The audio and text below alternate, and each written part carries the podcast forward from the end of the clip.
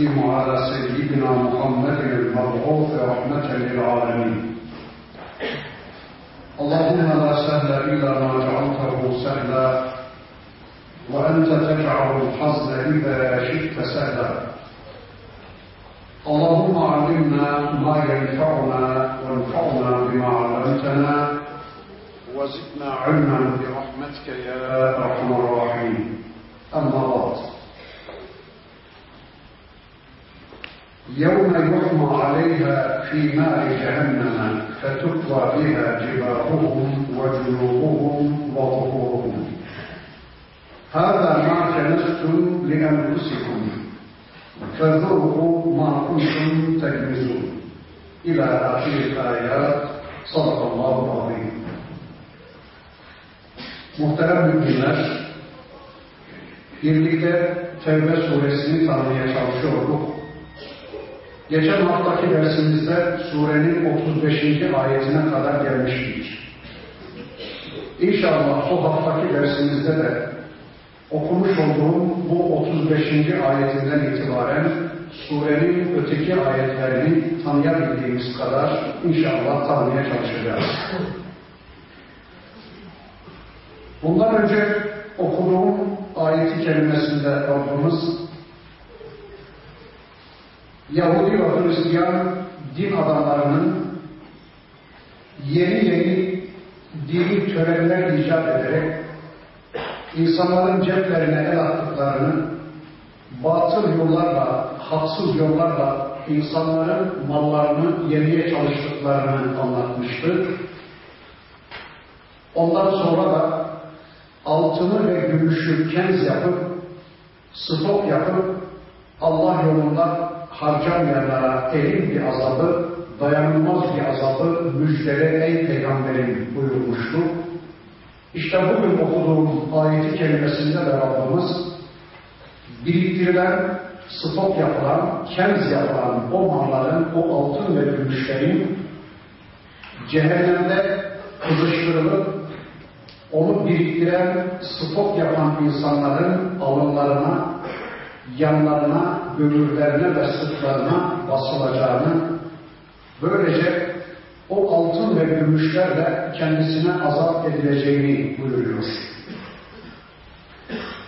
Onlara böylece azap edilirken de şöyle denecekmiş. هَذَا مَا كَنَتْتُمْ لِيَنْفُسِكُمْ İşte bu kendiniz için biriktirdikleriniz kendiniz için stok yaptıklarımız, biriktirdiklerimiz, فَذُوقُ مَا كُنْتُمْ تَكْبِزُونَ Kenz yapmanızın, stok yapmanızın, biriktirmenizin cezasını alın bakalım. Gerçekten biz bu ayetlerle büyümedik. Biz kapitalist bir sistemin içinde büyüdük. Kalplerimizle, kafa yapılarımızla bu ayetleri anlamaya gerçekten müsait değil. Babalarımızdan gördük, dedelerimizden gördük, çevremizden gördük ki bir günlük ömre dokuz günlük stok gerekiyor. Böyle bir anlayışla büyüdük. Ama öyle değil diyor Allah. Ebu Zer Efendimiz'i geçen haftaki dersimizde demeye çalışmıştım. Valileri geliyor Ebu Zer Efendimiz. Valileri tokatlıyormuş. Ne oluyor size? Bugünlük rızkınızı kazandınız. Yarın Allah yok mu? Yarın konusunda Allah'a güvenmiyor musunuz da bir günlük ömre iki günlük nafaka stok ediyorsunuz diye Ebu Zer Efendimiz valileri dövermiş. Bugünü görse ne yapardı bilmem. O gün bir günlük ömre iki günlük nafaka biriktiriyorlarmış. Ona gazaplanmış Ebu Zer Efendimiz bugün bir günlük ömre dokuz günlük nafaka stok ediyoruz. Sanki yarın konusunda Allah'a güvenmiyormuşuz gibi, bugün Allah var ama sanki yarın Allah yokmuş gibi doyumsuzca bir tavrın, güvensizce bir tavrın içindeyiz. Öyle yapmamalıymışız. Ne yapmalıymışız? Bugünün rızkını kazanmışsa, bugün karnımız doymuşsa, yarına bir şey stok etmemeli, geri kalanı mümin kardeşlerimize ulaştırmalıymışız. Bunu anlamak gerçekten zor. Yani bu toplumun bunu anlaması gerçekten zor. Ama bakın Allah öyle diyor. O biriktirenler, stok edenler var ya, yarın o biriktirdikleri cehennemde kızıştırılacak, onların alınlarına, böğürlerine ve sırtlarına basılacak.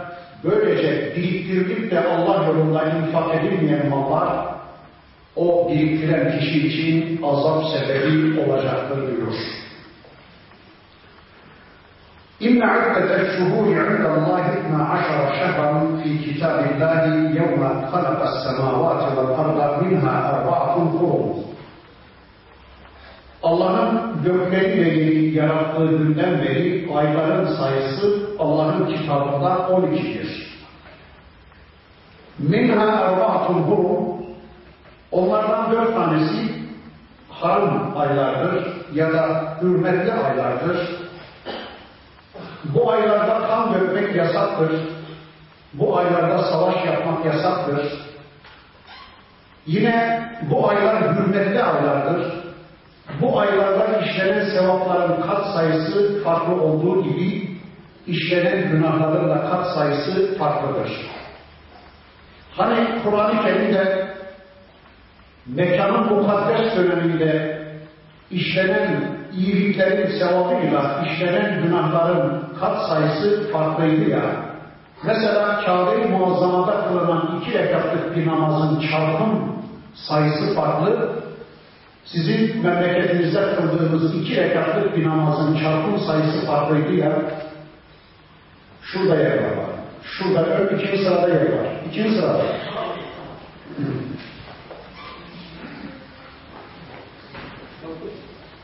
Yani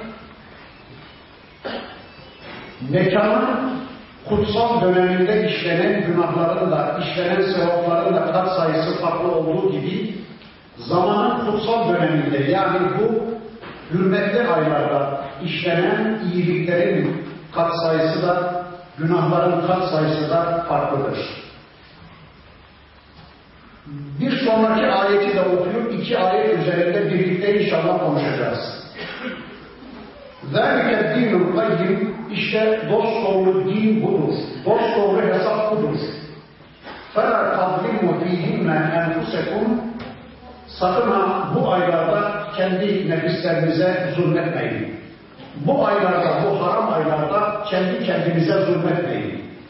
Birinci manası, bu aylarda günah işleyerek kendi kendinize zulmetmeyin. Çünkü bu aylarda işlenen günahların kat sayısı farklıdır. Yine bu ayların hürmetini ihlal ederek bu aylarda kan dökmeye kalkışmayın, adam öldürmeye kalkışmayın, böylece kendi kendinize zulmetmeyin. Bir üçüncü manası da bu aylar haram aylar. Bu aylarda savaşmak yasaktır diye sizin üzerinize doğru gelmekte olan bir düşmana karşı boyunlarınızı onların kılıçlarına teslim ederek kendi kendinize zulmetmeyin. Çünkü haram ay haram aya karşılıktır. Haram aylarda Müslümanlar savaş açmamalı ama birileri Müslümanların üzerine doğru gelmekte ise ne yapalım haram ay biz savaşmayız diye biz boyunlarımızı kafirlerin kılıçlarına teslim ederek kendi kendimize zulmetmeyeceğiz. Onlarla biz de savaşacağız. وَقَاتِلُوا الْمُشْرِك۪ينَ كَافَّةً كَمَا يُقَاتِلُونَكُمْ كَافَّةً Ey müminler! Kafirler, müşrikler sizinle toptan, topyekun savaşa girdikleri gibi siz de toptan onlarla savaşa girin. Hepiniz onlarla bir savaş eyleminin içinde olun. وَعْلَمُوا اَنَّ اللّٰهَ مَعَ الْمُتَّقِينَ Bilesiniz ki Allah müttakileri sever, onlarla beraberdir. Yani Allah karşısında esas duruşunu muhafaza eden, Allah'a kulluğunun bilincinde olan müttakilerle Allah beraberdir. Evet, bu ayet-i kerimede Rabbimiz son derece açık ve net bir biçimde anlatıyor ki, gökleri ve yeri yarattığı günden beri ayların sayısı 12'ymiş, onlardan dördü de haram aymış. Hz. Adem atamızdan bu yana bütün peygamberler, Allah'ın bütün elçileri, bütün Müslümanlar bu haram aylara riayet etmişler. Haram aylarda kan dökmemişler. Babalarının katilini görseler bile haram aylar ilişmemişler, bu ayların hürmetine riayet etmişler. Ama alçak Amerika ne zaman bir İslam ülkesine saldırı düzenleyecekse sırf Müslümanlara sövmek için haram aylara denk getiriyor. Haram aylarda Müslümanlara saldırıyor. Ama Müslümanlar bu haram ayların hürmetini ihlal etmemişler tarih boyunca. Hangi aylar bu aylar? Zilhicce, Zilkade, söyleyin. Recep ve Muharrem. Şaban yok. Recep ve Muharrem. Bu aylar haram aylardır. Bundan sonraki ayet yine aynı konuyla alakalı olduğu için o ayeti de okuyup biraz daha üzerinde inşallah duracağız. Fakat Allah diyor ki İnnemel nesihu ziyadetun fil kufri Bu aylar konusunda nesi yapmak küfürde ziyadeliktir. Zirve noktasında küfürdür. Bu aylarda nesi yapmak. Nesi ne demek? Nesi bu ayları öne almak, tehil etmek, ayların yerini değiştirmek, ayların zamanıyla yeriyle oynamak küfürde ziyadeliktir. Yudarru bihillezine kefaru kafirler bu aylar konusunda sapıyorlar, sapıtıyorlar. Yuhibbunehu amen ve yuharrimunehu amen. Bir yıl bu ayları haram kabul ediyorlar, bir yılda helal sayıyorlar. لِيُوَاطِقُوا عِدَّةَ مَا حَرَّمَ اللّٰهِ Allah'ın haram sayısına uygun hareket etmek için bir yıl bu ayları haram sayıyorlar, bir yılda helal kabul ediyorlar. Mesela Mekke müşrikleri öyle yapıyormuş. Bir toplumla savaşacakları zaman, birilerini öldürecekleri zaman mesela haram aylardan birisi Recep ayının içindelerse diyorlarmış ki bu ay şu anda Recep değil de Şaban kabul ediyoruz. Şaban ayını da Recep kabul edeceğiz. O ayı haram bileceğiz ama şimdi savaşmamız lazım. Şimdi birilerini öldürmemiz lazım. Haram olan bu ayı bir başka ayla değiştireceğiz diyorlar. Öne almak, arkaya almak suretiyle tamam dört ayı, yılın dört ayını haram kabul ediyorlar ama bunu istedikleri zamana geri ya da öne almak şeklinde değiştiriyorlardı. فَيُحِلُّ مَا حَرَّمَ اللّٰهِ Böylece Allah'ın haramını helal kabul ediyorlardı.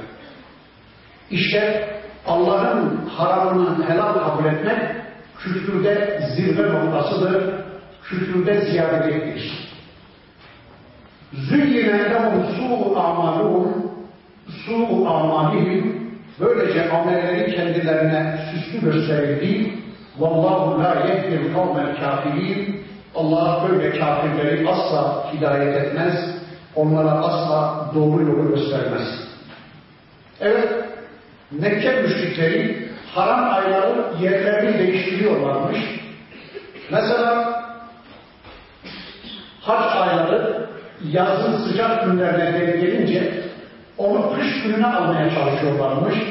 Recep'i Safer ayı ya da Muharrem'i bilmem başka bir ayla değiştiriyorlarmış.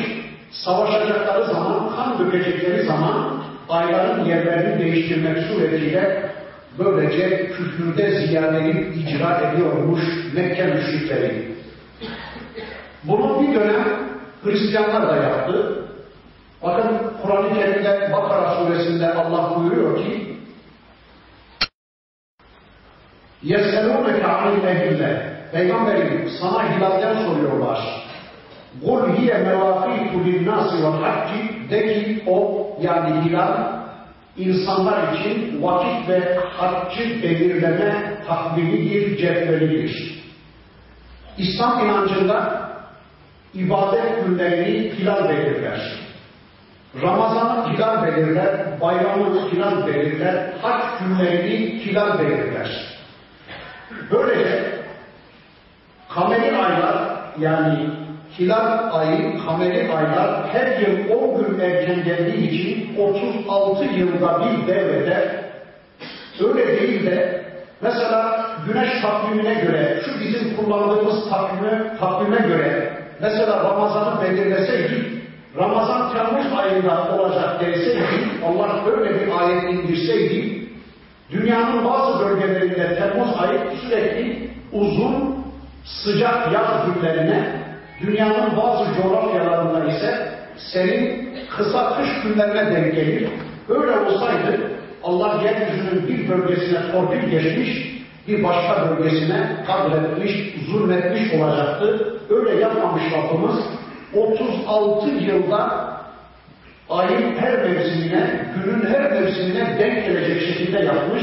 Bazen bize yaza denk gelir, bazen onlara yaza denk gelir. Böylece Allah yeryüzünde adilce kimseye zulmetmeden bir sistem koymuş.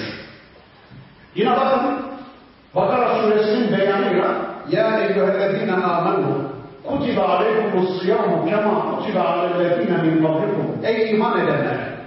Sizden öncekilere farz kılındığı gibi oruç size de farz kılındı buyuruyor. Bizden öncekiler ki Yahudi ve Hristiyanlar. Demek ki oruç onlar için de farzmış.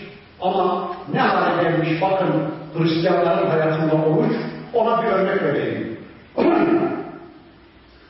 yaz günlerine uzun ve sıcak yaz günlerine denk gelmiş Hristiyanların hayatında oruç zor gelmiş toplanmışlar. Konsül toplanmış demişler ki ya buna bir çare bulalım.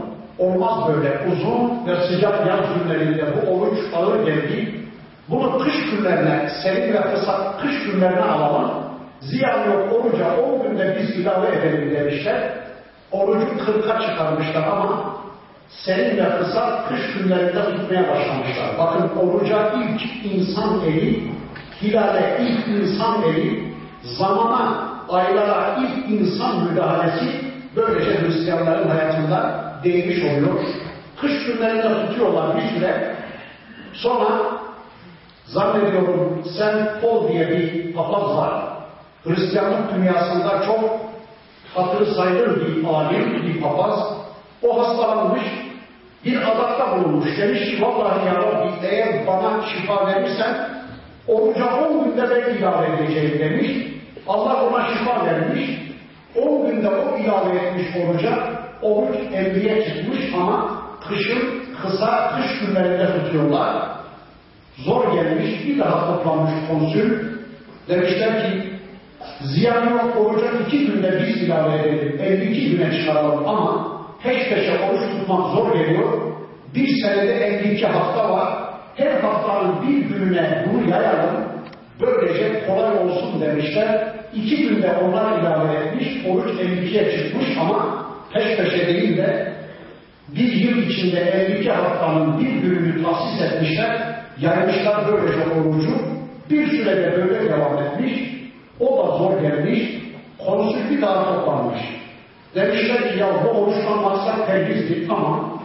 Öyle yapacağımıza tatlıyı yasaklayalım, et yemeği yasaklayalım. Bunun dışında her şey yenebilsin. Oruçtan maksat perhizdir. Bir süre öyle devam etmiş. Sadece et ve tatlı yasak, öbür yemekler serbest. Bu da zor gelmiş. Konsül bir daha toplamış. Ya demişler et balık mı değil mi? Bunu bir daha görüşelim. Et yani balık etten sayılır mı sayılmaz mı? Toplanmış konsül demişler ki balık etten sayılmaz, balık da serbest, sadece et ve tatlı yasak demişler. Böylece kuşa dönmüş bir oruç şu anda Hristiyanların hayatında faskın diye bir günleri var.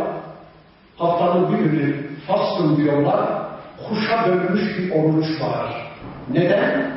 Hilali kaybettiler, zamanla oynadılar, yazı kışı, kışı yaza aldılar, böylece saptılar. Şimdi şu anda bizde de aynısını yapmaya çalışıyorlar. Şu hilali unutturabilseler Müslümanlara, efendim bilimin çözemeyeceği bir şey kalmadı. Bilim hilalin ne zaman doğduğunu, ne zaman doğacağını önceden biliyor. Hilali gözetlemeye falan gerek yok diyorlar. Şu hilali Müslümanlara bir unutturabilseler ama elhamdülillah bu ümmet uyanık çıktı. Elhamdülillah hilali unutmadı bu ümmet bir unutturabilseler hilali, kışa da alacaklar, yaza da alacaklar, zamanı da oynayacaklar, kültürde ziyadelik yapmaya çalışıyorlar ama elhamdülillah Müslümanlar hilali unutmadılar, ona sahip çıktılar. Başkaları var mesela. Kimileri diyorlar ki efendim Zilhicce ayında biliyorsunuz haç ayı Zilhicce ayı Zilhicce'nin 9'unda Arafat'a çıkılır biliyorsunuz. Öyle olmasa da diyorlar, kimimiz Ramazan ayında, kimimiz Safer ayında, kimimiz Muharrem ayında, kimimiz Zilhicce ayında, senenin öteki aylarında bu haccı yaysak da haçtaki ızdihama engel olsa, bu kadar kalabalık zor haç yapıyor falan demeye çalışıyorlar. Aynı mantıkla düşünenler var. Halbuki Peygamberimiz diyor ki el haccu arafatun. Hac arafadır, hac arafadır, arafa gün yani zilhiccenin dokuzunda eğer Arafat'a çıkmamışsanız başka zaman hac olmaz ki. Ama aynı mantık zamanla oynama mantığı. Mesela bir adam gece saat üçte ölmüşse gece saat üçte tören düzenlemek, insanları uyandırıp da tören düzenlemek zor olduğu için onu saat dokuzda onda öldürürler, sabahleyin öldürürler. Tören yapmak zor olduğu için zamanla oynarlar.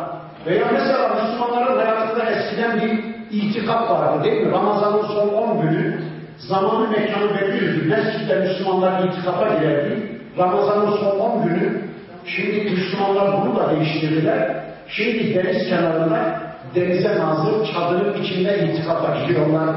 Böyle bir itikaf nasıl bir itikaf bilmiyorum. Zamanla oynama, zamanla oynama bu yasak Bakın işte Allah diyor ki onlar zamanla oynadılar ama bu küfürde ziyadeliktir. Sonra bundan sonraki ayeti kelimesinde Rabbimiz Tebuk seferiyle alakalı konuları anlatmaya başlayacak. Biliyorsunuz Tebuk seferi zorluk seferi diye bilinir bizim tarihimizde. Zorluk seferi Mekke fitnesinden sonra Allah'ın Resulü Medine'li Müslümanlara, etrafındaki ashabına gidilecek yeri bizzat söylemek suretiyle savaşılacak düşmanı bizzat açıklamak suretiyle ki önceki adetinin kılafına önceleri bir savaş stratejisi, stratejisi gereği Allah'ın Resulü gidilecek yeri bazen söylemezdi, gizli tutardı. Bir savaş taktiği gereği ama yol uzun, savaşılacak düşman Bizanslı yeryüzünün o günün dünyasının en süper ordusuydu.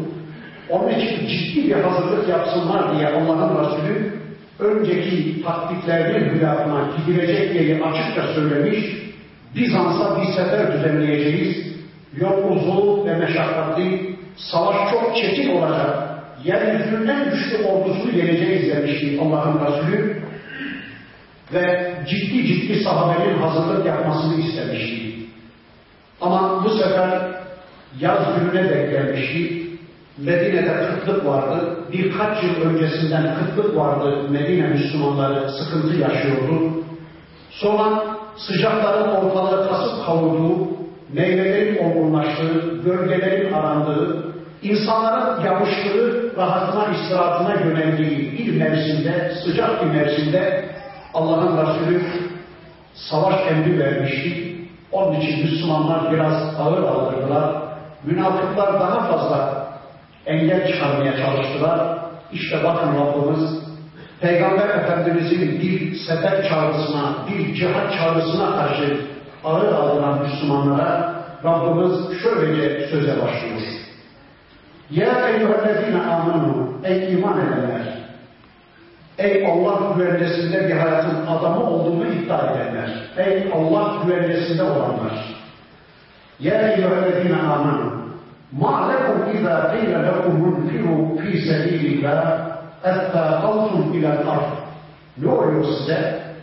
Allah yolunda bir sefere çıkın denildiği zaman, Allah yolunda bir cihada çıkın denildiği zaman, Allah kullarını Allah'ın dinine abone yapmak üzere Allah kullarını kölelikten kurtulmak üzere, Allah kullarını küfür ve şirkten kurtarıp imana, İslam'a üye yapmak üzere, Allah kullarının dirilişine sebep olmak üzere bir sefere çıkın denildiği zaman ne oluyor? Niye yerlerinize çakılıp kaldınız? Niye arıza çakılıp kaldınız? Evlerinizin içine, dükkanlarınızın içine, bürolarınızın içine, fabrikalarınızın, iş yerlerinizin, şirketlerinizin içine, rahatınızın içine gömülüp kaldınız. Ne oldu? اَرَضِيتُمْ بِالْحَيَاتِ الدُّنْيَا مِنَ الْآخِرَةِ Yoksa ahirete karşılık dünya hayatına razı mı oldunuz? Yoksa ahireti verip de dünyayı tatminkar mı buldunuz? Yoksa fani alıp da baki mi bıraktınız? Yoksa sınırsızı bıraktınız da sınırlı bir hayata, dünya hayatına, dünyanın derbederliğine razı mı oldunuz? Dünyayı tatminkar mı buldunuz? Ahireti bırakıp da dünyayı tercih etmeye mi başladınız? Halbuki فَمَا مَتَاعُ الْحَيَاتِ الدُّنْيَا فِي الْآخِرَةِ اِلَّا قَلِيلٍ Şunu kesinlikle bilesiniz ki ey Müslümanlar, ahiretin yanında dünya hayat, deni hayat çok azdır, çok kısadır. Göz açıp yumacak kadar kısadır ahiretin yanında dünya hayatı. Bakın Adem Aleyhisselam döneminde vefat etmiş, şu ana kadar toprağın altında kalmış, bundan sonra da kıyametin kopacağı güne kadar toprağın altında kalmış, kıyamet günü diriltilmiş bir adama sorulacakmış. Hem lebistüm ne kadar kaldınız? O diyecekmiş ki lebitna yevmen ev ba'da yevmin. Bir gün ya da bir günden biraz daha az.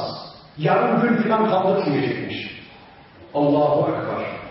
İşte dünya bu. Ahiretin milyarlarca yıl sonsuza dek sürecek olan ahiretin yanında bin yıl yaşasanız bile dünya yine göz açıp yumacak kadar kısa bir süredir. Allah diyor ki bakın ne oluyor ey Müslümanlar? Allah yolunda bir cihada bir sefere çağrılınca yerlerinize çakılıp kaldınız. Hareketsiz kaldınız. isteksiz davrandınız peygamberin bu davetine. Ne oluyor? Ahireti verdiniz de dünya hayatına talip mi oldunuz?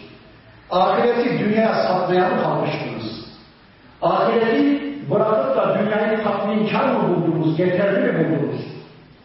Halbuki ahiret hayatının yanında dünya metarı çok azdır. Göz açıp yumacak kadar kısa bir süredir. İlla tenkiru eğer böyle bir sefere çıkmazsanız Peygamberin bu davetinde onu yalnız bırakırsanız yuadibkum azaben velima Allah size dayanılmaz bir azapla azap eder. Yestettil kavmen gayrakum. Sizi giderir ve sizin yerinize başka bir toplum getirir. Sizi giderir, sizi yok eder, sizi siler yeryüzünden, sizi helak eder ve sizin yerinize peygamberin kıymetini bilecek, peygamberin cihat çağrısına hemen koşacak, Allah ve Resulünün cihat çağrısına hemen evet diyecek bir toplum getirir sizin yerinize. Tıpkı Nuh kavminin yerine, Nuh kavmini helak edip onların yerine Ağ kavmini, Ağ kavmini de defterini dürüp onların yerine Semud kavmini, Semud kavmini de yerin dibine batırıp onların yerine Salih Aleyhisselam'ın kavmini, Selçuklu'yu yok edip onun yerine Osmanlı'yı, Osmanlı'yı yok edip onun yerine sizleri getirdiği gibi yarın sizi de yok eder, sizin yerinize daha ciddi, daha sağlam müminler getirir. Onlar sizin gibi yerlerine çakılıp kalmazlar. Peygamberin bir cihat çağrısına hemen koşarlar. Peygamberin kıymetini bilirler. Allah ve Resulünün davetine hemen icabet ederler. Sizi yok eder Allah da sizin yerinize başka bir toplum getirir. وَلَا تَضُرُّهُ شَيْئًا ve siz Allah'a hiçbir zarar da veremezsiniz. Hiçbir zarar veremezsiniz Allah'a. Vallahu ala kulli şeyin kadir. Şüphesiz ki Allah her şeye kadirdir. Dilediği her şeyi yapmaya muktedirdir. Arzu ettiği her şeyi gerçekleştirmeye muktedirdir Allah. İlla tansuruhu eğer peygambere yardım etmezseniz bakın fakat nasarahullahu iz akrecehullezine kefaru faniyetneyni hatırlayın Mekke müşrikleri benim peygamberimi Mekke'den çıkardıklarında arkadaşıyla birlikte iki kişi mağarada iken, Sevil mağarasındayken ben onları korumadım mı? Siz mi vardınız orada peygamberi koruyan? Ben korumadım mı? Hani اِذْ يَقُولُ بِصَاحِبِهِ Peygamber arkadaşına şöyle diyordu, Ebu Bekir'e, hicret arkadaşına şöyle diyordu. La tahsen inna Allah ma'ana. Ey Ebu Bekir, niye korkuyorsun? Korkma, Allah bizimle beraberdir. Ma zannüke bizneyn ya Ebu Bekir, Allahu thâlikuha. Öyle diyordu Peygamberimiz. İki kişi hakkında ne düşünüyorsun ey Ebu Bekir? Kesinlikle bilesin ki üçüncüsü Allah'tır onların üçüncümüz Allah. Bizi yalnız mı sandın ey Ebu Bekir? Bizim üçüncümüz Allah. La tahsen inna Allah'ına asla korkma Allah bizimle beraberdir. Fenzelallahu sekinetehu ala aleyhi sonra Allah peygamberine bir sekine duygusu indirdi, bir güven duygusu, bir cesaret indirdi. Ve eyyedehu bi cunudin ben teravha Sizin göremeyeceğiniz ordularla Allah o anda mağarada peygamberini destekledi. وَجَعَلَ كَلِمَةَ الَّذ۪ينَ كَفَرُوا السُّفْلَى Kafirlerin kelimesini, küfür kelimesini alçalttı.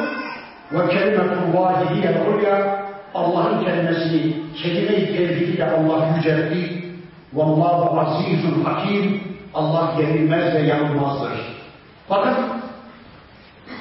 Mekke müşrikleri toplanmışlardı. O gece Peygamber Aleyhisselam'ı öldürmeyi planlamışlardı. Cebrail Aleyhisselam geldi. Ey Muhammed bu gece Mekke'yi terk et dedi. Allah'ın Resulü Ebu Bekir Efendimizle birlikte o gece Mekke'yi terk edecekti. Sürüsünü garantiye almış bir çoban gibi önce bütün Müslümanlara göndermiş önceden herkes gitmiş. Ebu Bekir ve ikisi kalmıştı adeta. Herkes gitmişti. Sanki sürüsünü garantiye almadan çoban olarak kendisi gitmemişti. Ebu Bekir Efendimizle birlikte o gece Mekke'yi terk ettiler. Medine'ye gideceklerdi. Yol Medine'ydi. Hicret yurdu Medine'ydi. Bütün Müslümanlar daha önce Medine'ye gitmişti. Herkes biliyordu ki Peygamber Aleyhisselam da Medine'ye gidecekti. Bunu Mekke müşriklerinin de bildiğini iyi bilen Peygamberimiz bir taktik olarak, bir strateji olarak Medine bu taraftaysa tam aksi istikamette, Medine'nin tam aksi istikametinde Sevir mağarasına gitti, mağaraya girdi Allah'ın Resulü. Mekke müşrikleri sabahleyin onu yatağında bulamayınca hemen Medine yollarına düştüler. Kesin biliyorlar ki o tarafa gidecekler. Bulamadılar ama ilk sürenler mağaranın ağzına kadar geldiler tarihi bilgilere göre. Ebu Bekir Efendimiz'i bir korku almıştı. Kendi adına değil, Efendisi adına üzülüyor. Acaba onun başına bir şey gelir mi diye. O titremeye başlayınca vallahi diyor şöyle başlarını iyi verseler de ayaklarının ucunda bizi göreceklerdi. Küçük bir mağara. Yani saklanılması da mümkün olmayan bir mağara. Gidenlerimiz vardır. Ben gittim gördüm. Ama Allah orada peygamberini korudu. Bakın bu ayetiyle diyor ki ey Müslümanlar ey Tebuk seferine hazırlık noktasında ağır aldılar Müslümanlar. Ey peygamberin davetine ağır aldılar Müslümanlar. Ne oluyor size? Ne oluyor size? Mağarada siz mi vardınız peygamberi koruyan? Bu din sizinle kaim değil ki.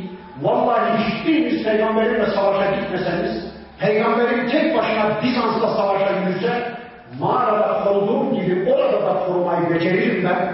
Ben tek başına onu galip getiririm. Hiç kimse gitmese de ben peygamberimi galip getiririm.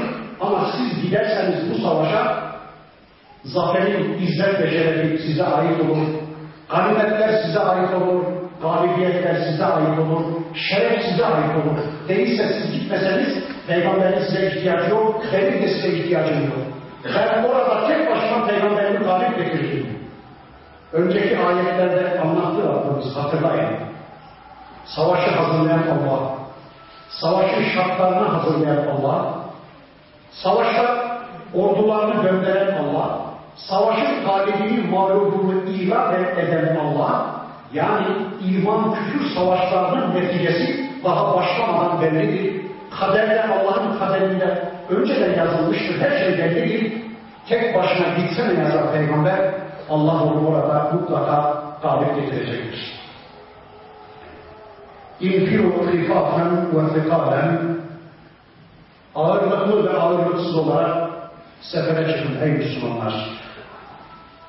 bilikli ya da bilinçsiz, zengin ya da fakir, hasta ya da sıhhatli, süvari ya da yaya, güçlü ya da güçsüz, hangi konumdaysanız, hangi durumdaysanız, Peygamberin sefer çağrısına evet deyin, Allah'ın cihat çağrısına evet deyin, infilu hifafen ve fikalen, gerisini bana bırakın. Silahlı ya da silahsız, atlı ya da yaya, güçlü ya da güçsüz, hasta ya da sıhhatli, zengin ya da fakir, hangi konumda olursanız olun, derhal Peygamberin cihat çağrısına evet deyin, gerisini bana bırakın. وَجَاهِدُوا بِاَمْوَالِكُمْ وَاَنْفُسِكُمْ فِي سَب۪يلِ اللّٰهِ Ve Allah yolunda mallarınız ve canlarınızla cihad edin. ذَٰلِكُمْ خَيْرٌ لَكُمْ اِنْ كُنْتُمْ تَعْلَمُونَ Bilesiniz ki ey müminler, eğer bilirseniz bu savaş, bu sefer, bu cihada çıkmanız sizin için hayırlı olacaktır. Allah her şeyin en güzelini bilendir. Hikmetini anlasak da anlamasak da, hikmetini kavrasak da kavramasak da, bakın Allah diyor ki, benim yolumda bir cihada çıkmanız ey müminler sizin için hayırlıdır eğer bilirseniz, eğer anlarsanız. Bakın, savaşan toplumlar, savaşı göze alabilen toplumlar, yeryüzünde en büyük medeniyetlere ulaşmışlar, yeryüzünde en büyük devletleri kurmuşlar, yeryüzünde en güçlü iktidarları oluşturmuşlar, her şeyden de önce özgürce bir hayata sahip olmuşlar. Ama savaşı göze alamayan toplumlar, Allah için bir savaşı göze alamayan toplumlar, egemen toplumların egemenliği altında, kafirlerin egemenliği altında izzet ve şereflerini kaybetmişler, namus ve iffetlerini kaybetmişler, dinlerini, kimliklerini, şahsiyetlerini kaybetmişler, rezil ve perişan bir konunu soluklamak zorunda kalmışlar. İşte tarih bunun şahidi. Akan su duruluğunu korur. Durgun su kokuşmaya mahkumdur. Akışkan toplumlar, yani savaş toplumları, cihat toplumları duruluğunu korumuş, imanını, dinini koruyabilmiş ama durgun toplumlar, yerleşik toplumlar, cihattan kaçan toplumlarla kokuşmaya mahkum olmuş, dillerini, imanlarını, namuslarını, iffetlerini, her şeylerini kaybetmek zorunda kalmışlar. İşte hal dilden daha güzel anlatır, daha fazla söze ne hacet?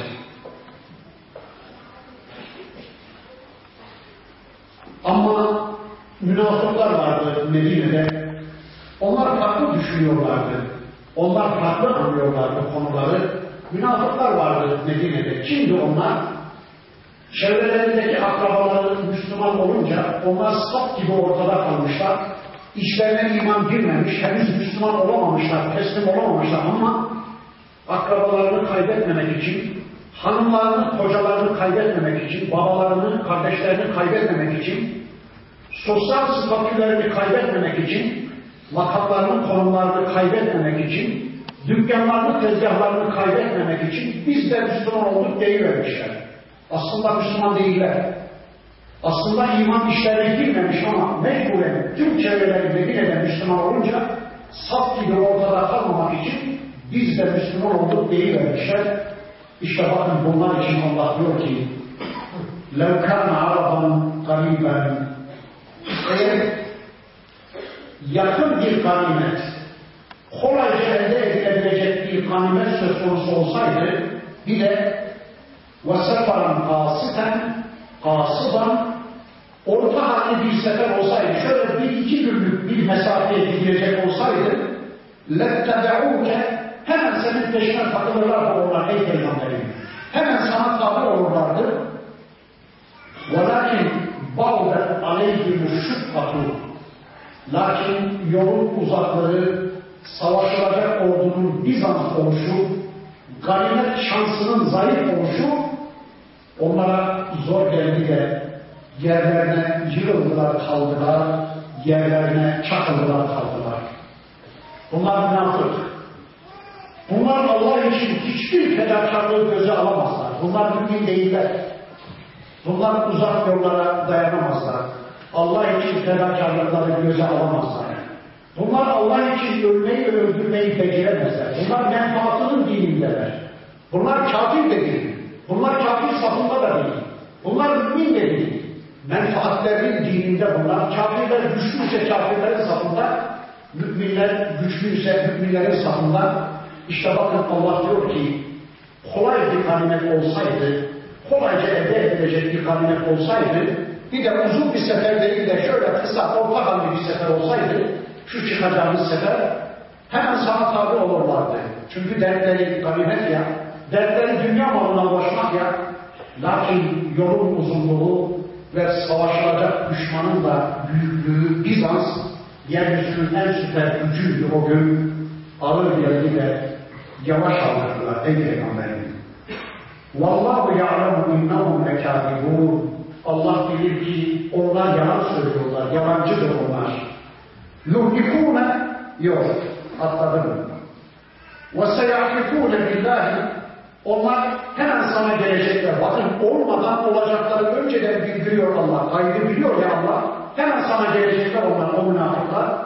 Allah adına yemin edecekler ve diyecekler ki Ya Resulallah vallahi de billahi de levistata'na eğer gücümüz yetseydi lekaraçna ma'akum sizinle beraber biz de gelirdik. Ama ne yapalım? Gücümüz yok ya Resulallah.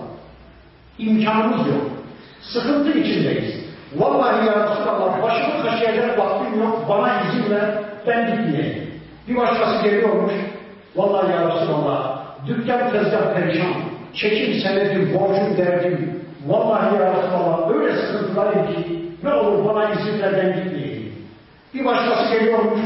Vallahi ya Resulallah sor istersen arkadaşlarıma ben çok muttaki bir adamım ama kadınlara da düşkünüm. Duydum ki gideceğimiz yerdeki Rum kadınları çok güzelmiş. Ne olur ne olmaz ya Resulallah beni fitneye düşürme. Orada başıma iş gelir dayanamam da zina falan etmeye kalkarım da kaş yapacak yerde göz çıkarırım. Beni fitneye düşürme, bana izin ver ya Resulallah. Ne olur ben bu fitneye düşürme. Şuna bakın. Şuna bakın ya. Yani bir adam hem, hem Allah'a inandım diyecek, hem peygamber benim piştarım diyecek, peygamber benim imanlarım diyecek, peygamber benim önderim diyecek, canımdan daha çok sevdiğim, sevgili peygamberim diyecek, hem de bir savaşta peygamberi yalnız bırakacak, kendi başına bırakacak. Olacak şey mi bu ya? İmanla bağdaşır mı bu? Bağdaşmaz ya. Ben inandım diyen bir mümin inancının bedelini ödemek zorundadır. İnancın bedeli savaştır. İnancın bedeli Allah yolunda malı ve canı ortaya koymaktır. Allah'ın ve peygamberin cihat çağrısına koşmaktır. Ama münafıklar böyle değil. Bakın Yahudiler de aynı şey yapmıştı. Daha önce anlatmıştı Rabbimiz bize. Musa Aleyhisselam Allah'tan aldığı bir emirle çevresindeki İsrailoğullarına Yahudilere demişti ki şu şehri Allah fethetmenizi istiyor. Buyurun Kudüs'ü fethedelim. Şu mukaddes şehri Allah fethetmenizi istiyor demişti. Ne demişti Yahudiler biliyor musunuz? فَذْهَبْ أَنْتَ وَرَبُّكَ فَقَاتِلًا اِنَّا هَاهُنَا قَاعِدُونَ Ey Musa sen ve Rabbin gidin savaşın. İş bitince, şehri fethedince, bizim diyeceğimiz şekilde şehri dizayn edince haber verin. Biz burada oturacağız. Haber verin. Ondan sonra gelip bir şehre yerleşelim. Şuna bakın.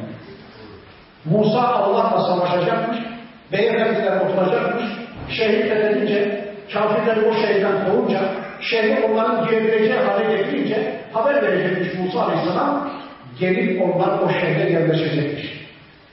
Yani Yahudilerin inandığı Allah uğrunda savaşı göze almaya değmeyen bir Allah. Yahudilerin inandığı Allah uğrunda malı ve canı feda etmeye değmeyen bir Allah. Uğrunda savaşmaya değmeyen bir Allah. Bakın münafıklar da öyle. Siz de öyle misiniz? Biz de öyle miyiz? Yani inandığımız Allah uğrunda ölmeye değer bir Allah mı? Bir cihat çağrısı duyunca koşabiliyor musunuz? İnandığınız Allah uğrunda malı ve canı feda etmeye değer bir Allah mı? Değmeyen bir Allah? Herkes bunu bir düşünsün. Bakın Allah diyor ki Vallahu ya'lemu innahum lekâdibûn. Allah bilir ki onlar yalan söylüyorlar. Her birer birer mazeret bulmuşlar. Gelmişler peygamberden izin istiyorlar. Ama Allah'ın Resulü öyle iffetli ki, öyle merhametli ki, gelen herkesin mazeretini kabul etmiş. Tamam hadi sen kal bakalım. Tamam hadi senin de öyle olsun. Tamam hadi sen de gelme bakalım. Herkese izin vermiş. Öylesine merhametli ki Allah'ın Resulü belki de biliyordu onları, tanıyordu işlerini ama yüzlerine vurmuyordu, iffetliydi, merhametliydi.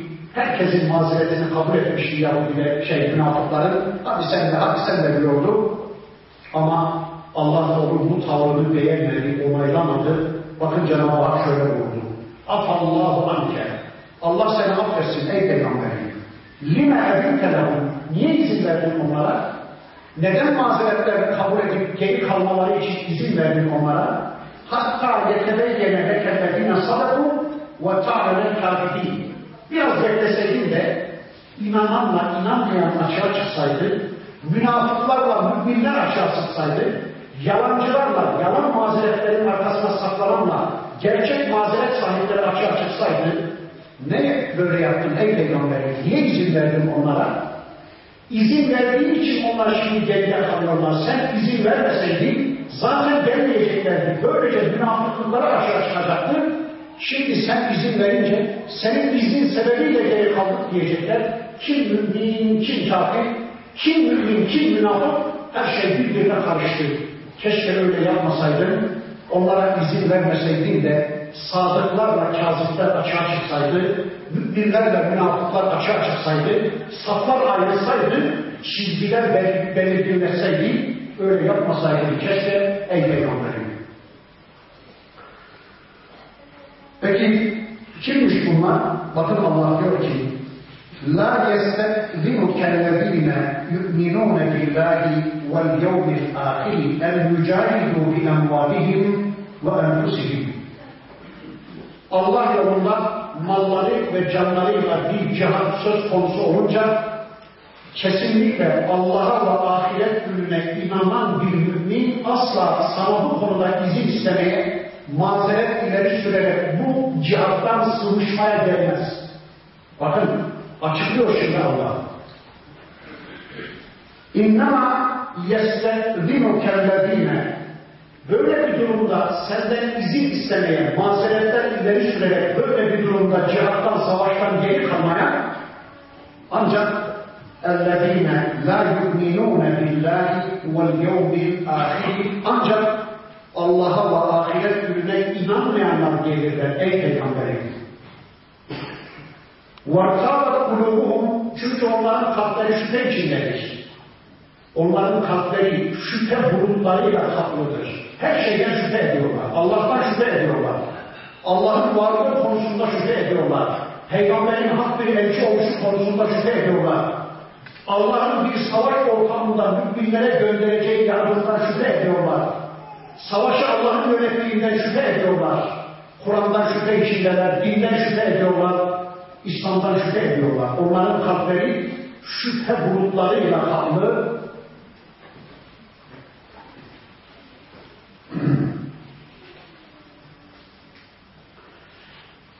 Fevrum rivayetihim yataraddedun. Onlar şüpheleri içinde yüzüp gidiyorlar, yuvarlanıp gidiyorlar. Evet, bunlar Allah'a da ahiret gününe de iman etmeyen münafıklar. Demek ki işte bu ayetlerden anlıyoruz ki müminle münafığın ayrıldığı ortam savaş ortamıdır. Müminle kafirin ayrıştığı kurvar savaş kurvarıdır cihat kulvarıdır. Bakın münafıklar namaz kılıyorlardı Medine'de. Hatta mescide geliyorlardı. Maskemiz düşmesin diye, kafirliğimiz anlaşılmasın diye namaz kılıyorlardı. Zekat veriyorlardı. İnanmadıkları bir din uğrunda, inanmadıkları bir Allah adına zekat veriyorlar. Bu zilletlere katlanıyorlardı. Durumu idare ediyorlardı. Oruç tutuyorlardı. İslam'ın bütün emirlerini icra ediyorlardı. Aman maskemiz düşmesin diye. Ama bir cihat çağrısıyla, bir savaş davetiyle karşı karşıya kalınca işte münafıklar, kafirler müminlerden ayrılıverdi, ayrışı verdi. Demek ki cihat İslam'ın en zor ibadetidir. Sevdiklerinizi arkada bırakacaksınız. Hanımlarınızı, çocuklarınızı, dükkanlarınızı, tezgahlarınızı, sevdiklerinizi arkada bırakıp cennete koşmak üzere, gittiğiniz coğrafyadaki insanları diriltmek üzere, onları cennete abone yapmak üzere, o bölgede zalimler eğer zorla olarak kendi yasalarını Allah yasası yerine dayatmış, onları köleleştirmişse oradaki müstekbirlerin, zalimlerin, tağutların belini kırıp oradaki insanları özgürce Allah'a kul olabilme imkanına ulaştırmak üzere bir cihada giderken önünüzde cennet var, arkada bıraktıklarınızdan çok daha değerli cennet var. Her şeyi arkada bırakacaksınız. Onun için gerçekten cihat zor bir ibadettir. İslam'ın en zor ibadetlerindendir. İşte müminin kafirden, müminin münafıktan ayrıştığı kulvar, cihat kulvarıdır. İşte bu bölümde bakın Rabbimiz son derece açık ve net bir biçimde bu konuyu ortaya koyuverdi. Vallahu alimun bil muttakin. Allah muttakileri çok iyi bilir. Sonra diyor ki bakın وَلَوْ اَرَادُوا الْخُرُوجَ Eğer o münafıklar sizinle beraber çıkmayı düşünmüş olsalardı لَاَعَدُّوا لَهُ اُبَّةً Elbette bunun için bir hazırlık yaparlardı. Hani hiçbir hazırlıklar yok ya. Bakın Allah'ın Resulü bir ay öncesinden ilan etmiş hazırlık yapın diye bir ay geçmiş aradan adamlar kıllarını kıpırdatmamışlar. Sonra sanki o mazeretleri yeni çıkmış gibi geliyorlar ya Resulallah. Şöyle bir mazeretim çıktı bana izin ver. Allah da diyor ki eğer gerçekten onlar çıkmayı dilemiş olsalardı, önceden savaşa çıkmayı niyet etmiş olsalardı, hazır bir hazırlık yaparlardı. Hani hiçbir hazırlıklar yok bunlarda. Yani bu mazeretleri sonradan çıkmış değil. Ta baştan gitmemen niyetindeler. Hazırlıkları yok. Nasıl bir hazırlık? Var mı sizin hazırlığınız? Ben bir hadis okuyayım. Men mate ve lem ya'fu ve lem yuhaddith bihi nefsehu mate ala şubetin min nifakin.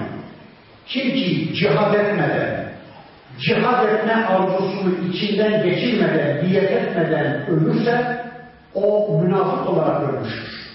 Bu Peygamberimizin hadisi. Peki gerçekten sizin içinizde böyle bir niyet var mı?